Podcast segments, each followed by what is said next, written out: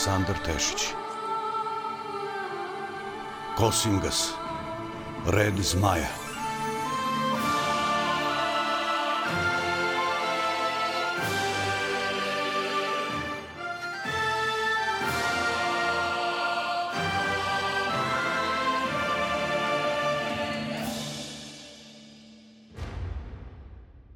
Epizoda deseta. Preko Ibra.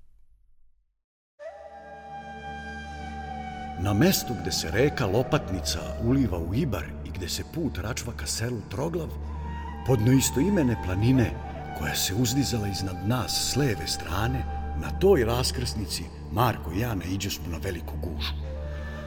Okupilo se skoro stotinu ljudi, sve sede i prosede glave, proklinju i viču.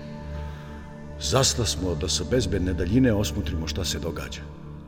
Znamo da nije pametno mešati se u tuđa posla, a u našem narodu se neki najvažniji poslovi obavljaju baš na raskrsnicama.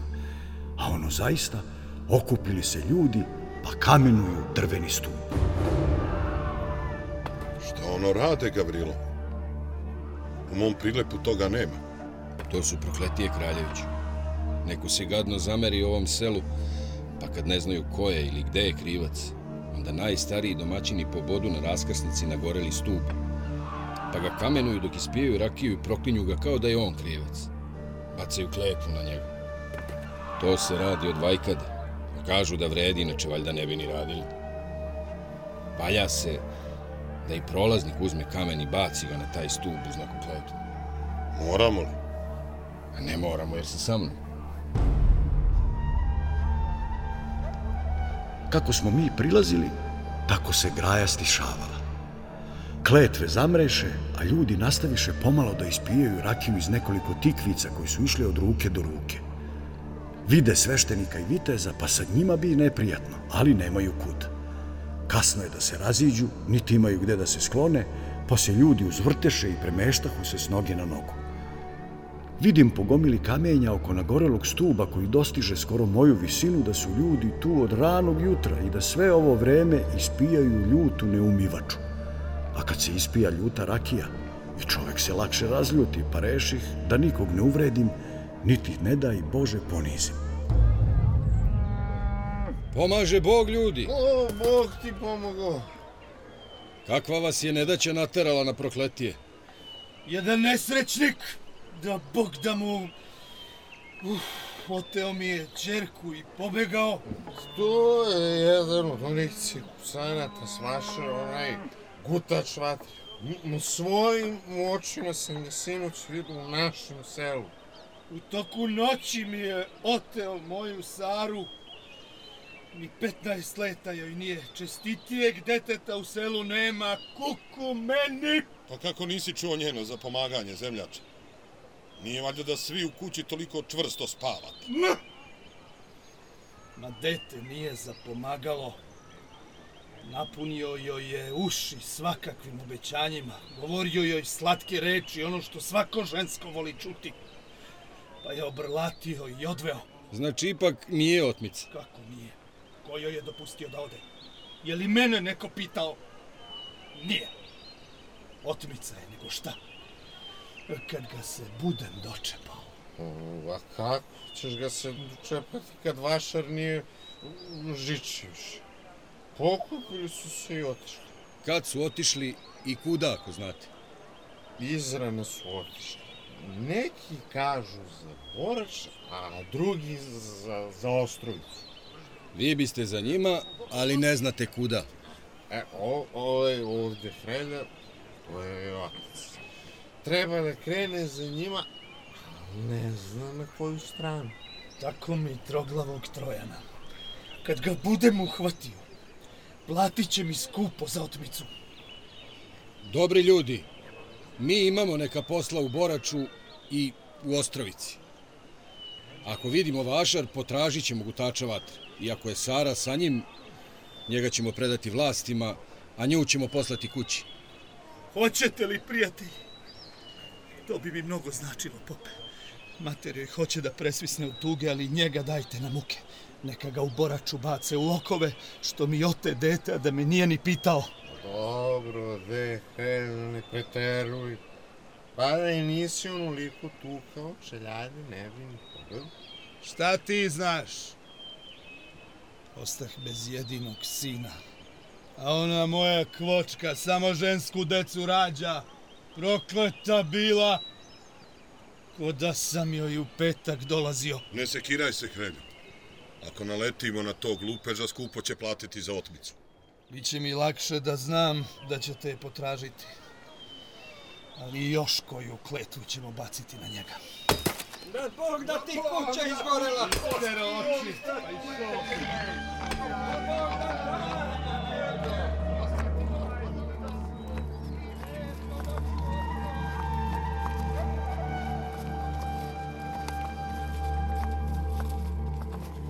Čuo si Hrelju?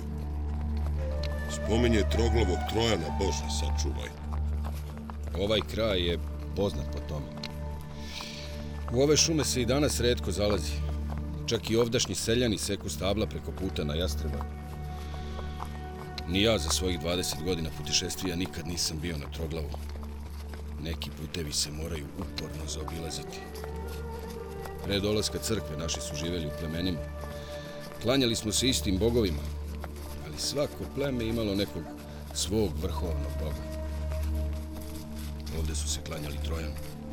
Negde gore, na rogovoj glavi, kažu da stoji u ruševinama njegovo svetilište. A kraj njega je Moranin bunar. Ko je Morana? Morana je čarobnica. Neki kažu veštica, ali nije. Vrlo moćna čarobnica, a za sebe tvrdi da je posljednja Trojanova sveštenica. Zakleta je da čuva svetilište dok se Trojan opet ne digne i ne zagospodari svojim kraljevstvom. Navodno živi u bunaru. Kako može da živi u bunaru? Ne znam, niti želim da znam. Najverovatnije se gore negde nalazi izlaz iz laguma koji vodi do čvorišta I Trojan hoće opet da se uzdigne. i prepliće ad na početku doba vatre. Oni ljudi kao da mu se još uvijek klanjaju. A sumnjam da to čine. Nego običaj imaju duboke korene. Stara vera je jaka. Životari čak između naše dve svetinje. Žiče i studenice. Ali se polako gasi. Zapamti, Marko. Neka se zna kome koja duša ide. Trojanu više ne ide ni jedna. Kako Hromi Daba misli da se opet uzdigne kao Trojan, to ne znam. Znam da mu nas dvojica stojimo na putu. Vrlo obeshrabrujuće. Ja volim svog neprijatelja da gledam preko bojnog polja, ne da me on vrepa iz mraka. Ja ću te naučiti, Kraljeviću, da i ti njih vrepaš iz mraka. Uostalom sa zmajatom u ruci. Niko te nije mogao zauzdati kad si uleteo među one psoglave. Iako si ih prvi put video. To je tačno, daj mi neku hrabrost, snagu. Jednostavno osjećam da mi ne mogu ništa. E, to osjećanje može biti i opasno. Ne glavinjaj, već obuzdaj bes, jer on ume da zaslepi.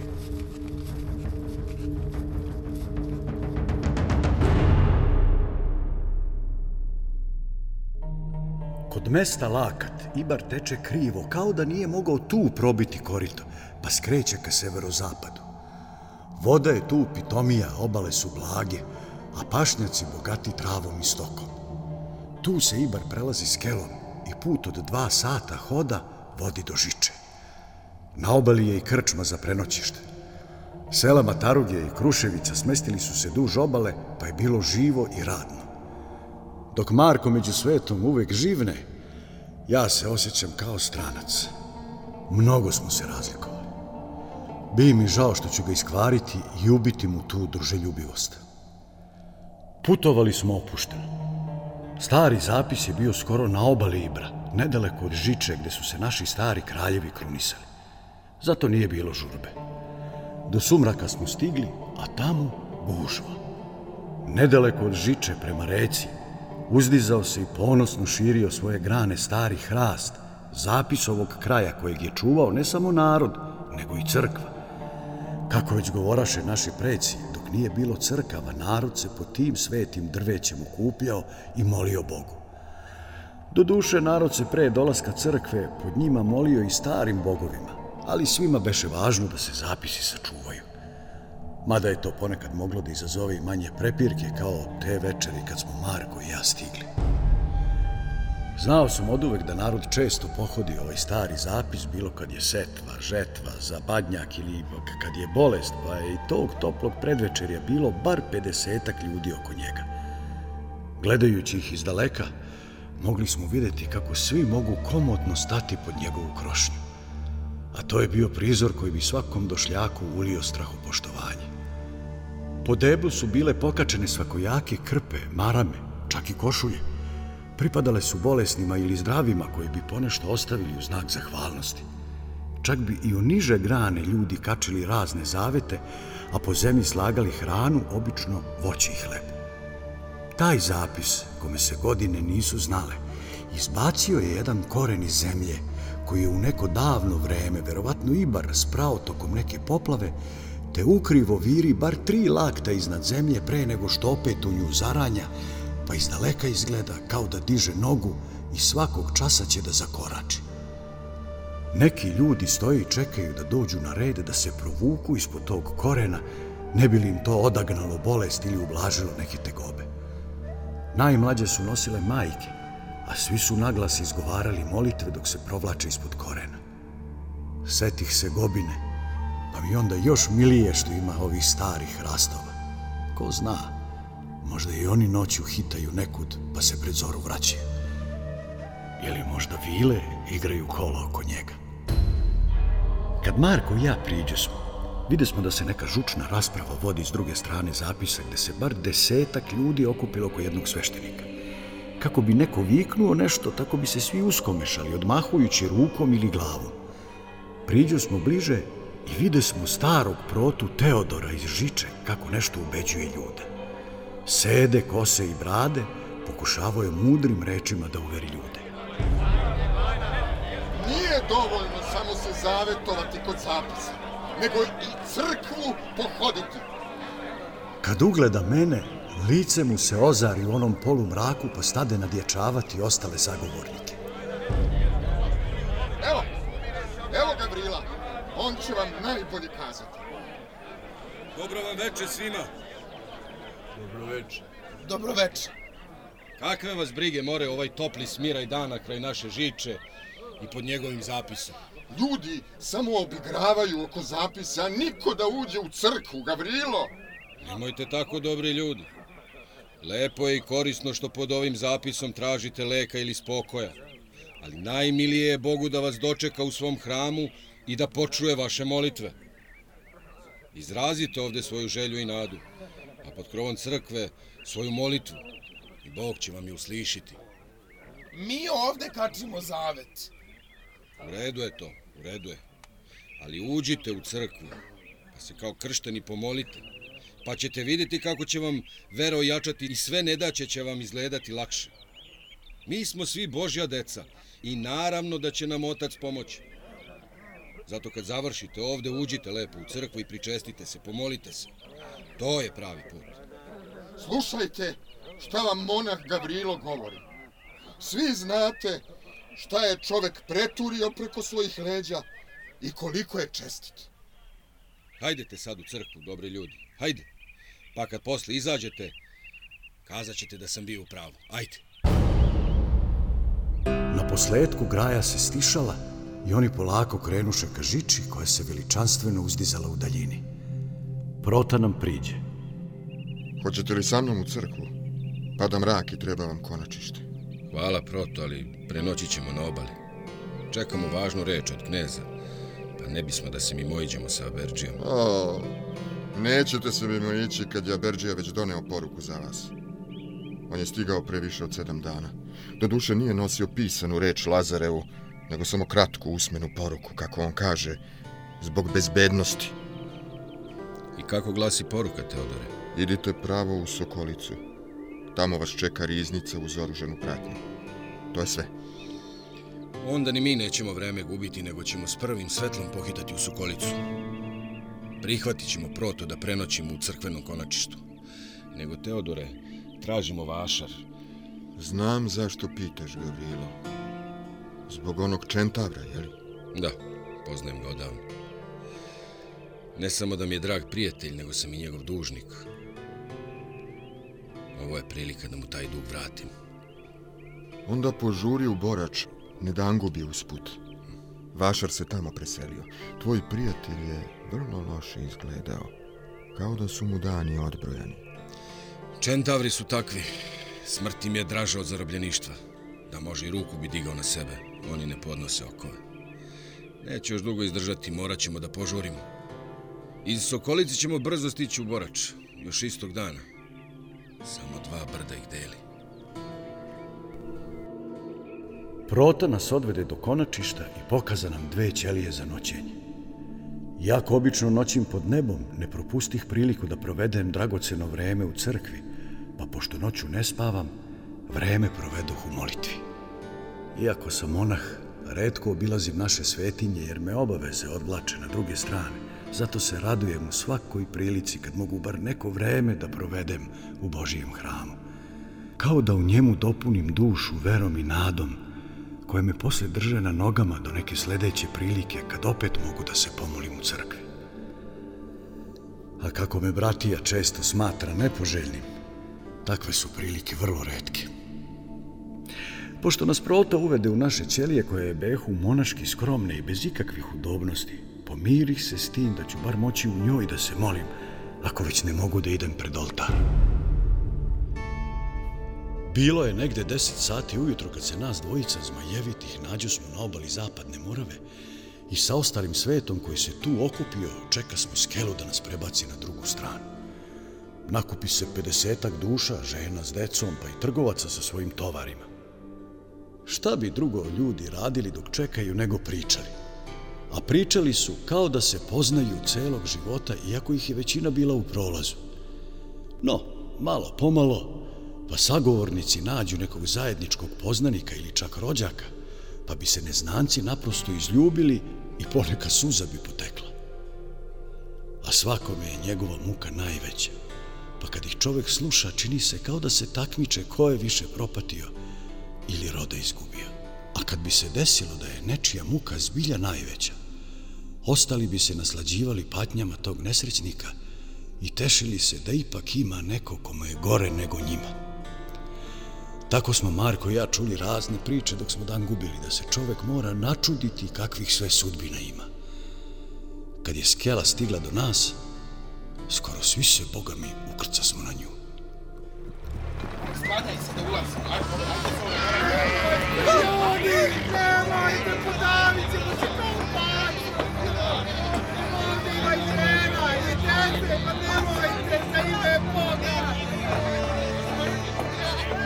Čak se i životinje uzvrteše, pa zapreti opasnost da se neki konj ili magarac ritne. Sine, odguruj skelu, odguruj,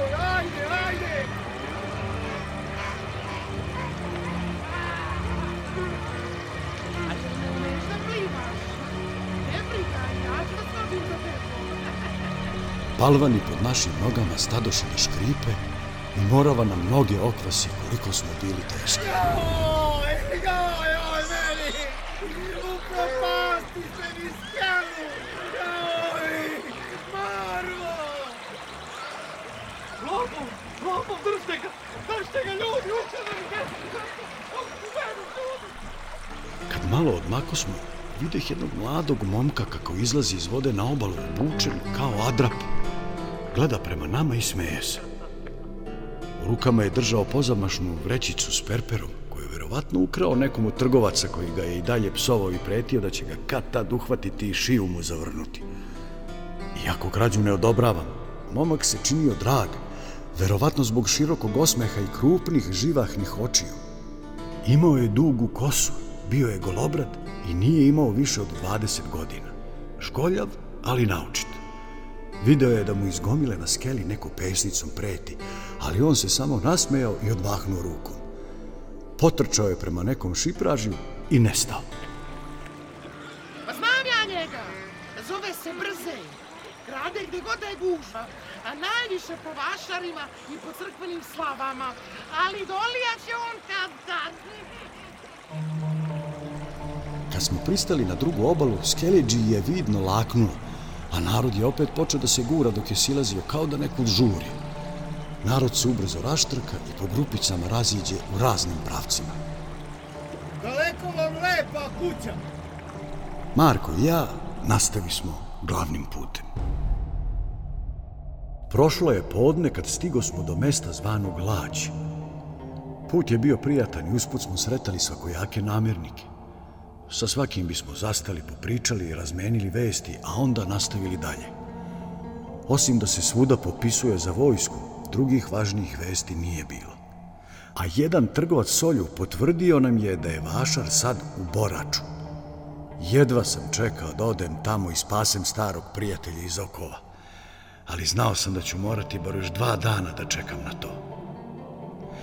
Na jednom delu, nedaleko od puta, teče potok Lađ i mami svojim zelenim pašnjacima i hladovinom kakvu samo vrba daje. Ko se nije odmarao pod vrbom, taj ne zna šta je pravi užitak. Pa pošto sam se time naslađivao više puta, ne mogah da odolim i predložim Marku da nađemo neko dobro mesto i malo odmorimo dušu, jer ćemo već danas ili najkasnije sutra morati da silazimo u podzemne lagume Sokolice, pa je otud sunce pravi melem za dušu i telo. Marko se odmah složi jer je već neko vreme naginjao mešinu s vinom, ali nije mogao uživati u njemu jer je hodao prašnjevim putem. Tako siđo smo do potoka i teško izabra smo mesto nam po volji jer ih je bilo toliko da se nismo mogli odlučiti gde ćemo kosti da odmorimo. A kad čovek zna da je blizu odredišta, kao što smo mi bili na 4-5 sati od Sokolice, onda mu se češće javlja želja za odmorom. Raspojasa smo se i mi i životinje, pa mi lego smo na mekanu travu, a šarac i coka siđoše na potok da se napoje. Marko je nekoliko puta dobro nagnuo mešinu s vinom, da bi onda odložio i prilegao ugledavši se na mene. E, pope, pope. Nekad mi se čini da mogu ceo dan da ležim i gledam krošnju vrbe iznad sebe i kako se vetar poigrava njenim duguljastim lišćem. Pa nekoliko vrti brzo u krug, kao da ih okreće neka nevidljiva ruka. A ne vetar. o, kako bih voleo da zaspim kad bih mogao. Ne spavaj. Gavrilo, Vilo? Ma je to stvarno ti? Marko, Marko. Šutnuh Marka u nogu, ne bih li ga probudio, a ovaj zinu da nešto opsuje, no kad ugleda vilu, on skoči na noge i zinu od čuda. Šta to? Raviola. Vilo, kako si nas našla? Otko ti čak ovde? Ne znam šta da te pitam u svom tom čudu. nije vas teško pronaći. Šuma ima oči i uši, a dolazim hitnim poslom. Ako ti znaš gde smo, onda... Onda i gospodar Daba zna. Može li znati kuda smo se uputili? Ne. Osim ako se niste dovikivali pa da vas svi mogu čuti. Ali ako zna da ste ovde, kraj ovog potoka, onda može pretpostaviti da ćete i dalje nastaviti ovim putem. I može nam postaviti zasedu. Da. Da. Pogotovo ako prolazite blizu nekog skrovitog izlaza iz laguma. Zato se morate čuvati. Neprijatelj ne miruje. Lagumima tumaraju njegove horde i vešti ubijači. Ni Hromidaba više ne krije s kim kuje saveze. Kao da se hvali time. Prvo psoglavi, pa vodenjaci, pa divovi. Njegovi zaslanici okupljaju plemena, istomišljenike, neprijatelje ljudi. Kako se mi tome možemo odupreti? Da se bar dušmani ne spremaju da udare na Srbiju pa da okupimo vojsku protiv njih. Ali kako ćemo se boriti na dva fronta? Sve će vam se kazati kad uspostavite proročanstvo. Moraš ga pročitati, Marko. S kamene knjige pisane rukama tri suđaje, koje ga uklesaše posle potopa. Uspostavi znamen i oči će ti se otvoriti. Kao kad u mraku upališ sveću i ugledaš izlaz iz tame. Zbog toga si došla dobra Vilo ili si najgore ostavila za kraj? Donosim vam reč od zmaja od jastrepca. Poručuje vam da je njegov zamak napala horda psoglavih, ali da je protivnik posečen i da su tvoja žena i sin zdravi i čitavi, Marko. On traži da što pre dođete kod njega na dvor radi važnih dogovora. Kažeš da su mi žena i sin dobro. Niko nije povređen. Koliko je bilo mrtvih? Kad se to desilo? Polako, polako, kraljeviću. Oni mrtvi su tebi nepoznati, ali tvoja draga i sin su dobro. Ali kad budete mogli, idite pravo kod njih. Marko, znaš da moramo u Sokolicu, a zatim u Borač. Odatle ćemo pravo kod zmaja na Jastrebac. I ne brini, tvoj tas će umeti dobro da sačuva svoju kćeri i unuka. I bolje no što ti misliš. Nisi mu još rekao. Šta da mi kaže? Šta ste prećutali? Nisam stigao. Ne valja mu sve odjednom govoriti, već pomalo. Šta sad kriješ od mene, Pope? Govori da ti ne bih sam iščupao te reči iz usta. Strpljenja, kraljeviću, strpljenja. Kad budemo nastavili put, kazat ću ti šta moraš znati. Sad. A sutra? Za deset dana? Jel da čekam da se smiluješ svaki put kad me štrecaš, kad god ti se prohte? Polako, polako. I vino piješ gutlje po gutlje i ne brzaj. Znaš da se možeš zagrcnuti. Mir s tobom i mir u tebi. Korak po korak i stići ćete na odredište. Čuvajte živote. Gavrilo, on mora uspostaviti znamen pred kamenom knjigom. Osjećam kako ad vri pod nogama, a kad bude pokuljao, i bogovi će zanemeti od užasa. Ne brini. Čim završimo posao s Lazarom i u Boraču, idemo na Jastrebac. Vila zađe među vrbino granje koje se nad samom obalom spuštalo skoro do vode. Čuvajte živote. Vilo! Vilo! Nestade. Kad se Marko uveri da je nema, okrenu se prema meni i prekrsti ruke na grudima. Slušam, Pope. Hajdemo natrag na put pa ću ti ispričati. Hajde. Uzdahnuh od muke. Nastavi smo dalje prašnjavim putem. Tvoj tast, zmaj od Jastrebca, je vilenjak i prvi među vilinskim narodom. Tvoja žena i njen brat Zmaj Ognjeni nisu čiste vilinske krvi, jer je Zmaj od Jastrebca podelio postelju sa jednom smrtnom ženom, a ne sa vilom. Ali zato je tvoj Matija Zmajevit. Čudi me da nisi primetio poreklo svog tasta. Čovjek vidi ono što želi. A ja nisam želeo da vidim njegovo neobično mlado lice, njegovu snagu, niti da prepoznam njegovo oružje, za koje se vidi da ga nije ljudska ruka iskovala. U zamku mu nikad nisam bio, a njega sam video samo tri puta. I svaki put je on dolazio kod mene na dvor. Sad vidim da su svi oko mene znali da sam ratnik iz proročanstva, ali da su to vešto od mene sakrili. Čak i moja jelica. Ne bi trebalo da se ljutim ni na koga, ali... Nekad je laž lepša od istine. A ja sam dugo živeo u laži. Ne zameraj nikome ništa, kraljević. Svi su se odrekli svog mira i spokoja da bi tebe zaštitili i sačuvali si začet da bi postao Kosingas i da bi uspostavio znamen. Sve je u tom cilju rađeno. Hvati sudbinu s obe ruke, prihvati je. Svi smo ovdje da bismo ti pomogli u tome. Tvoje rođenje je predočeno svima pre deset hiljada godina. Trebalo je sve te godine čuvati tvoju lozu. Hiljade ljudi je dalo život da bi nas dvojica prašnjovih sad išli ovim putem. Moj zadatak je da te učinim Kosingas. Posle mogu da umrem ili da se povučem u neku isposnicu. Kako gospod bude hteo. Tvoj Matija ima vilinske krvi u sebi, a tebe je vila zadojila. Pred vama su velika iskušenja, ali i velika dela. Radujem se danu kad ćeš ti mene voditi, a ne ja tebe. Želim da vidim ženu i sina. I hoćeš, hoćeš. Čim obavim ova dva posla.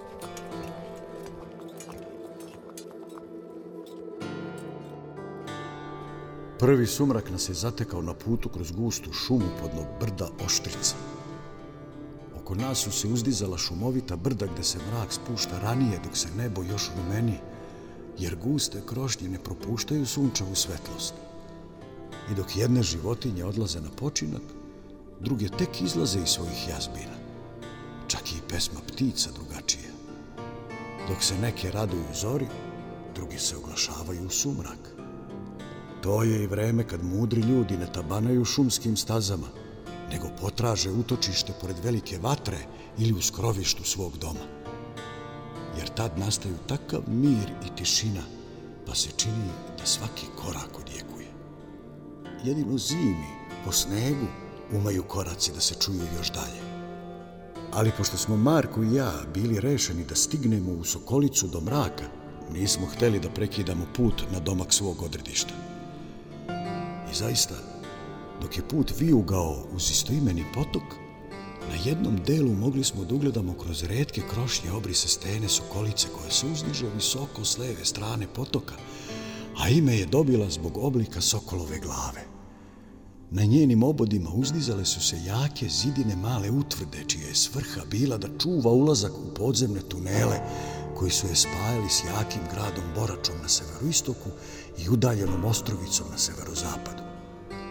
Podzemni tuneli su uglavnom bili prirodni, ali bilo je i onih koji su neljudi prokopali samo iz njima znanih razloga. Pošto su sva tri ulaza bila dobro čuvana, neljudi su odavno prestali da ih koriste. Sokolica je bila s tri strane nepristupačna zbog okomite stene, dok je jedini prilaz bio sa severozapadne strane preko jednog uskog prirodnog nasipa koji je vodio do kapije sa dve male kule. Utvrda je bila mnogo manja od Maglića i pored dve kule nad kapijom bila je još jedna na istočnom zidu daleko iznad puta kojim smo došli. S nje bi se put mogao nadgledati samo zimi kad drveće ogoli, ali od proleća do jeseni ništa se nije moglo videti ispod gustih krošnja. Zato nas je straža i ugledala tek kad izbismo na nasip koji je vodio do kapije. Usko mešaše se i videh ih kako mašu nekome unutra da bi se onda drvena kapija otvorila. Kroz nju izađe i u susret nama krenu kapetan Dobromir iz Lazareve lične garde. Redko bi se sreo miliji čovek, krupniji ratnik i odaniji vazal od njega. Postoje ljudi koje je dovoljno pogledati i po njima odmah zaključiti da im je duša dobra kao hleb, da pravičniji ne mogu biti i kao da ih poznajete čitav život. Zato ga je Lazar i držao uza se i poverio mu svoju bezbednost i bezbednost svoje porodice. A sad i bezbednost svoje riznice. Dobromir je bio Markove visine, skoro kao on širok u ramenima i snažnih ruku koje bi mogle smrskati ljudsku glavu. I kad nam je krenuo u susret, raširio je ruke u znak dobrodošlice i s osmehom od srca. Kapetane Dobromire, trebalo je da znam da će Lazar tebe poslati na ovako važan zadatak. Nije mi teško palo kad sam čuo da ćeš ti doći, moj Gavrilo. Dugo se nismo videli, pa je zato svaki susret tim slađi. Ovo je kralj Marko iz Prilepa. Pridružio nam. se. Sve znam. Ne troši reči, Gavrilo. Lazar mi je sve ispričao. Ajde, uđimo. Ovih dana je šuma puna žutih očiju. Jes, Boga mi. I stade se osvrtati i pogledom šarati po gustoj šumi u podnožju. Kao da nešto traže ili očekuje. Da se straža odvostruči i da se više niko ne pušta unutra, makar bili žena i dete. Povede nas preko dvorišta i poče nam objašnjavati. Došao sam na čelu pratnje od 30 konjanika i sa dvoje natovarena zaprežna kola. Čekajući vas, nabavio sam u okolini 25 magaraca kojima ćemo tovar odneti u laguma. Oni su tu, u ovoj štali. U štali do njih su zaprežna kola koji su uvek pod stražom. Imamo jednog pekara, jednog kojunđu i kovača. Posada je mala, ali izabrana. Svi su od poverenja. Znaju da se ulaz u lagume mora čuvati. On je, inače, u podnožju stene s istočne strane iznad puta i potoka kojim ste došli, ti si Gavrilo već dolazio, pa znaš. Lazar je naredio da samo ja pođem s vama u lagume, kako bih samo ja znao da ćemo smestiti riznicu. Vojska će ostati ovdje. Posjede smo oko vatre i jedan vojnik nam prvo donese kofu s hladnom vodom da se umijemo i plaknemo. A onda stadoše da nam donose bokale s vinom, pa sir, pogaču i kiselo mleko. Sve smo to raširili po travi oko vatre i navalili da jedemo kao da smo iz gladi utekli. Čovek uz jelo i piće lako zaboravi nedaće koje je proživeo i ne misli na one koje ga tek čekaju. Tako se i nas trojica raspriča smo o svemu i svačemu, pa kako su Dobromir i Marko duhoviti ljudi, neretko bismo se slatko nasmejali. Zato nismo ni primetili kako je štala od jedare buknula u plamenu. Kao da ju je neko polio katranom i zapalio. Plamen je suknuo u vis iznad zidina. Brzo! Izgurajte zapušna čula sa riznicom i susede štale! Vatra se brzo širi! Spasavajte magarce! Posada se uskomeša, pa polovina ljudi pojuri da posluša svog kapetana, a druga polovina se prihvati kofa, pa stadoše da zahvataju vodu iz spremišta gde se skupljala kišnica. Vika, galama, metež i vatrena stihija ispuniše do malo pre tihu. A ja, kako ne verujem u slučajnosti, pogotovo ne one koji se dešavaju oko mene, izvadim zmijav, zategnem tetive s kamenom među prstima i stanemo smatrati zidine. Kogod da je izazvao požar, nije to mogao da uradi od ozdo, jer je dvorište puno vojske, već sa zidina, gde je ipak lakše prikrasti se između straže. Osmatrah najviše skrovite ćoškove i mračne senke, jer znao sam da naš krivac sigurno odnekud viri i naslađuje se požarom koji je izazvao. A kad čovek zna šta traži, gde da traži, onda to i pronađe. U ćošku, gde jedan kamen bio malo istureniji u zidu, čučao je skoro neprimetan jedan požegači, ili kako oni sebe nazivaju, baučak palikuća. A kako nisam verovao da je ovaj baučak slučajno došao ovamo da zapali dve štale, morao sam ga ustreliti zmijavom. Ali oni su lukavi stvorovi. A ovaj je znao da sam ja to, jer kako sam okrenuo praćku prema njemu, tako se on dade u beg preko zida. Neko drugi bi se strovalio u bezdan, ali balučci mogu da se drže i za najmanje pukotine u zidovima i da skoro trče uza zid ili niz njega, pa da se onda bace s velike visine da bi sletili u krošnju drveta. Tako je i ovaj balučak zamislio da umakne, ali zmija je samo hljuknuo i kamen je pogodio balučka na zidu dok se spremao da ga preskoči. Pogodak je bio strahovit. Kamen je razneo jadnog stvora, a ova je samo uspeo da cikne. A kad baučak cikne, svako mora da se trgne i naježi jer zvuči jezivo. Tako su i sad svi na trenutak zastali i u čudu se zgledali. Šta se desilo, Gavrilo? Eto ti krivca za požar.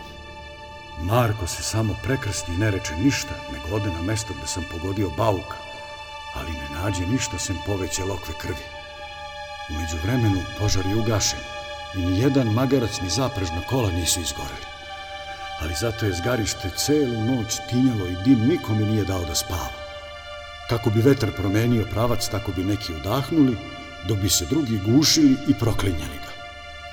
Tek negde pred zoru zgarište je prestalo da se dimi, pa je posada mogla malo da dane dušom i da odspava.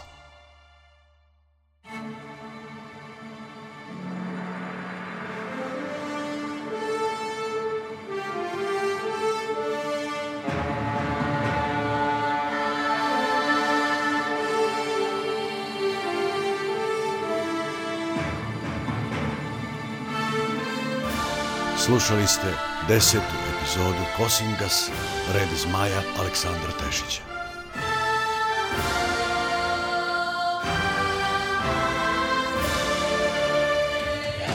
Uloge su tumačili Radoje Čupić, Dejan Šarković, Ljubiša Milišić, Miljan Davidović, Stefan Juanin, Aleksandar Gajin, Danilo Milovanović, Dragan Zorić, Marko Savković, Nataša Milišić, Milan Kovačević.